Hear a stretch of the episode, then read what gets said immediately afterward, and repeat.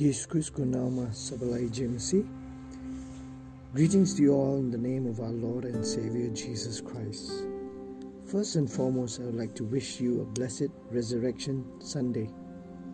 This is indeed a victorious day for all of us as we reflect on the resurrection power of Christ that has given us eternal life.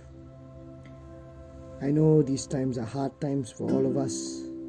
Everywhere we see we see just problems and difficulties and fear. But let us take this moment to choose to worship God, knowing that God is still in control and the battle belongs to Him. When we watch the news, we see only bad news people dying, people are suffering. But there was one point of time in history that there was the best news ever that was declared. And this good news that was declared came from a grave near Jerusalem. And the news was the tomb is empty. Today it still is a good news to all of us because Jesus Christ is alive and he lives forevermore. In today's meditation, we'll look from the epistle of Paul to the Philippians. In this letter, Paul was writing to the Philippians and he's trying to encourage them and to give them hope, although he himself was going through so much of problem. He was uh, imprisoned in Rome but he wrote this letter to encourage the church there that despite their suffering, Christ is still our goal and that he should be everything in our life. And we should keep him at the center of our heart, our soul, and mind. In today's uh, message, or I've entitled it as Knowing Christ and His Resurrection. It's based from Philippians chapter 3, verse 10. I shall read it. I want to know Christ. Yes, to know the power of his resurrection and participation in his suffering, becoming like him in death. Philippians chapter 3, verse 10. Knowing Christ and his resurrection. This is a theme for our meditation today. Because it is day. It is a day that most of us uh, we keep it as a very important day in our uh, Christian faith and tradition because we reflect on the sacrifice of Jesus on the cross. We've just celebrated Good Friday and on Resurrection Sunday we rejoice in the joy that God has given us eternal life. This is a, for some of us, um, we reflect on many passages from the Bible in which we talk about the resurrection of Christ. But for today, let's look into what Paul has to say from his letters. The resurrection is a is a very significant pillar for our faith. And for us to understand it, we need to understand who Jesus is in our life. And what does the resurrection have to do with our faith? And that will be our discussion. I will be discussing just on this one verse and yet it has so many things to teach us. And we, I've divided it into three, three sections. The first part will be looking into the personal, the second is the purpose, and the third is the participation. The first part of the verse 10 of chapter 3 it says, I want to know Christ. This is personal. This is a very personal statement. The personal knowledge of Christ. We may have vast knowledge about the Bible, about Christian religion, about faith, but yet if we do not have an experiential knowledge of Christ and His salvation, then this knowledge is all in vain. This knowledge is both experiential and, experimental. Because it is experiential because it's an inward and spiritual feeling inside of us based on what we hear and what we believe concerning Christ and the truths of His Word and His promises. It is experimental because we have to see these impressions that are made on our soul by what we experience. As the Psalms 34, verse 8 says, Oh, taste and see that the Lord is good. This is experimenting. And most of us, we experience this, we have experimented it, and we understand it, and that forms the core of our knowledge in Christ. It's different from you and me because this is very personal. And this experiential knowledge of Christ makes us to understand that Jesus is the only way to the Father.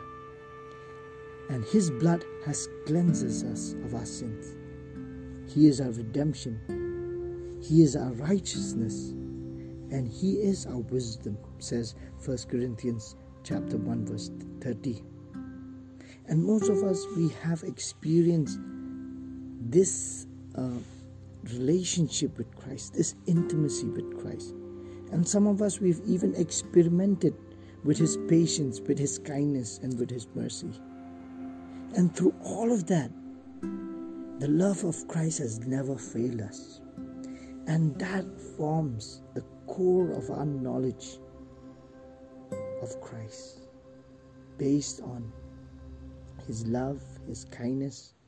And that's why it's this knowledge of Christ is, is very um, essential for us because it's an experiential knowledge, it's an experimental knowledge of what we go through of what God is leading us. And this just excites us more to love God and love His ways. And that's why this personal knowledge of Christ is very important for us. The second thing is the purpose and the power of His resurrection. The, the second part of the verse in 10 it says, To know the power of His resurrection to know the power of his resurrection. The word power, it makes all the difference between religion in the head and in the heart. It's one thing to have knowledge, as we have discussed earlier, but it's another to practice it or to put it into action. The scripture says Jesus died, and the same scripture it says he rose again. It's the fulfillment of a divine purpose and its power. It's appealing to our spiritual nature, our conscience, and a sense of guilt for the sin that we have committed. Because it's an it's this resurrection power of Christ has justified us. It has sanctified us. It has edified our lives. Christ's resurrection brought life and eternity to us. And understanding the power of His resurrection is the foundation of our faith because our sins have been nailed to the cross. Our sins have been paid by Jesus on the cross. He paid the price. And when we receive that, we receive salvation. And when we receive salvation, we receive eternity. That is why the Apostle Paul is calling us to seek things that are above.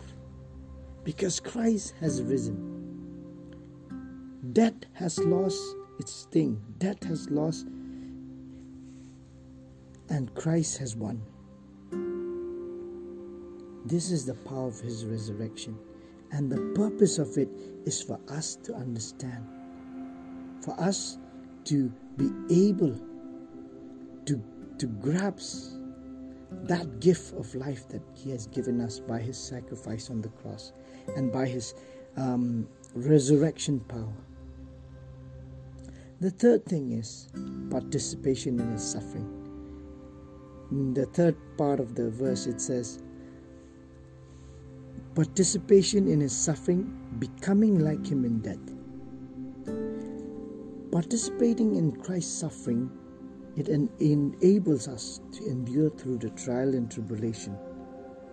By participating in Christ's suffering, Paul meant to say that it is necessary to be just like Christ, to pass through the circumstances of scorn, of pain, of shame, which Christ had gone through. But this is not easy, my friends, as we want to live comfortable lives. By participating in Christ's suffering, it means we are able to have fellowship with Christ, which is very important. In James chapter 1 verse 2 it says, "Consider it pure joy, my brothers, when you face trials of many kinds." When we face suffering or when we face trials, we should embrace it with joy because we know that Christ has suffered for us, and by participating in that suffering, we are having a fellowship with Christ. Because every suffering that God has allowed in our lives is for a purpose. We may go through different kinds of problems. Sometimes these uh, problems, sicknesses, or the loss of a loved one, it can be very difficult for us to, to cope up. But friends, this is this is the hope that Christ gives us. That as we endure through this suffering, we have fellowship with Christ. Because what God wants from us is first the cross and then the crown. Fellowship with Christ first in suffering, and then we will see His glory. We cannot have Christ's holiness without sorrow. We cannot have His grace without experiencing grief. So we need to have this positive mindset that in the midst of suffering, we need to understand that whatever we're going through, God has a purpose. And that purpose is so that God will be glorified. And as we participate with Christ in his suffering, we are able to glorify God because God may, may or may not remove that suffering, but He will strengthen you. He will give you strength to endure through that so that He will be glorified. So, friends, if you're going through problems and difficulties, confusion, doubt, anxiety, submit yourself to the Lord and you will understand that all those sufferings are all part of the plan, the greater plan of God to glorify Him. So if you're going through suffering, please know that you're on the right track and God wants to use those suffering to glorify His kingdom, to glorify His name. We've looked into three things the personal knowledge of Christ, by understanding, by understanding the love of God, by experiencing His goodness and grace. And through that, we will be able to put that into action by the power of His res- resurrection, because that's the purpose of His resurrection to have a deeper intimacy with Christ, and that through His resurrection, He has given us eternal life. And for us to live that eternal life, we need to participate in His suffering so that we may be able to glorify God. And that power that raised Jesus from the dead will also give strength to our mortal bodies. That's the power of resurrection. It strengthens us to endure. My friends, when we desire to know Christ, when we try to make sense of God in our lives, Sometimes we end up having so many questions. But God wants us to experience His love, His grace, and His mercy firsthand, to experience it firsthand. Because God is willing to share, to outpour His Holy Spirit in us, to strengthen us. And by experiencing, by experiencing these, we understand why Jesus died for us, why He died for our sins, and that His death has enabled us to approach the throne of grace with confidence because He has redeemed us. Knowing that God has redeemed us, we are able to approach God with confidence. Jesus never promised us a life without sorrow or pain. But what he promised is that he will always be with us and he will never leave us nor forsake us. And whatever sorrow that we are experiencing, he will turn it into joy. This is why we celebrate Resurrection Sunday to remind ourselves that a personal relationship with Christ is very important and that to remind us of the intimacy with Christ that we need to press on towards that goal of having of having a deeper intimacy with Christ. And the purpose of his resurrection is to empower us and that we may be able to participate in his suffering, that we may be able to endure through it with joy and praises. That is the power of resurrection because when we know Christ, we understand the power of His resurrection, and He strengthens us that we may be able to participate in His suffering. May God bless you. May God bless this short message. May, be, may it be a seed sown into the lives of those who hear it. God bless you. Have a blessed Resurrection Sunday. Thank you. Amen.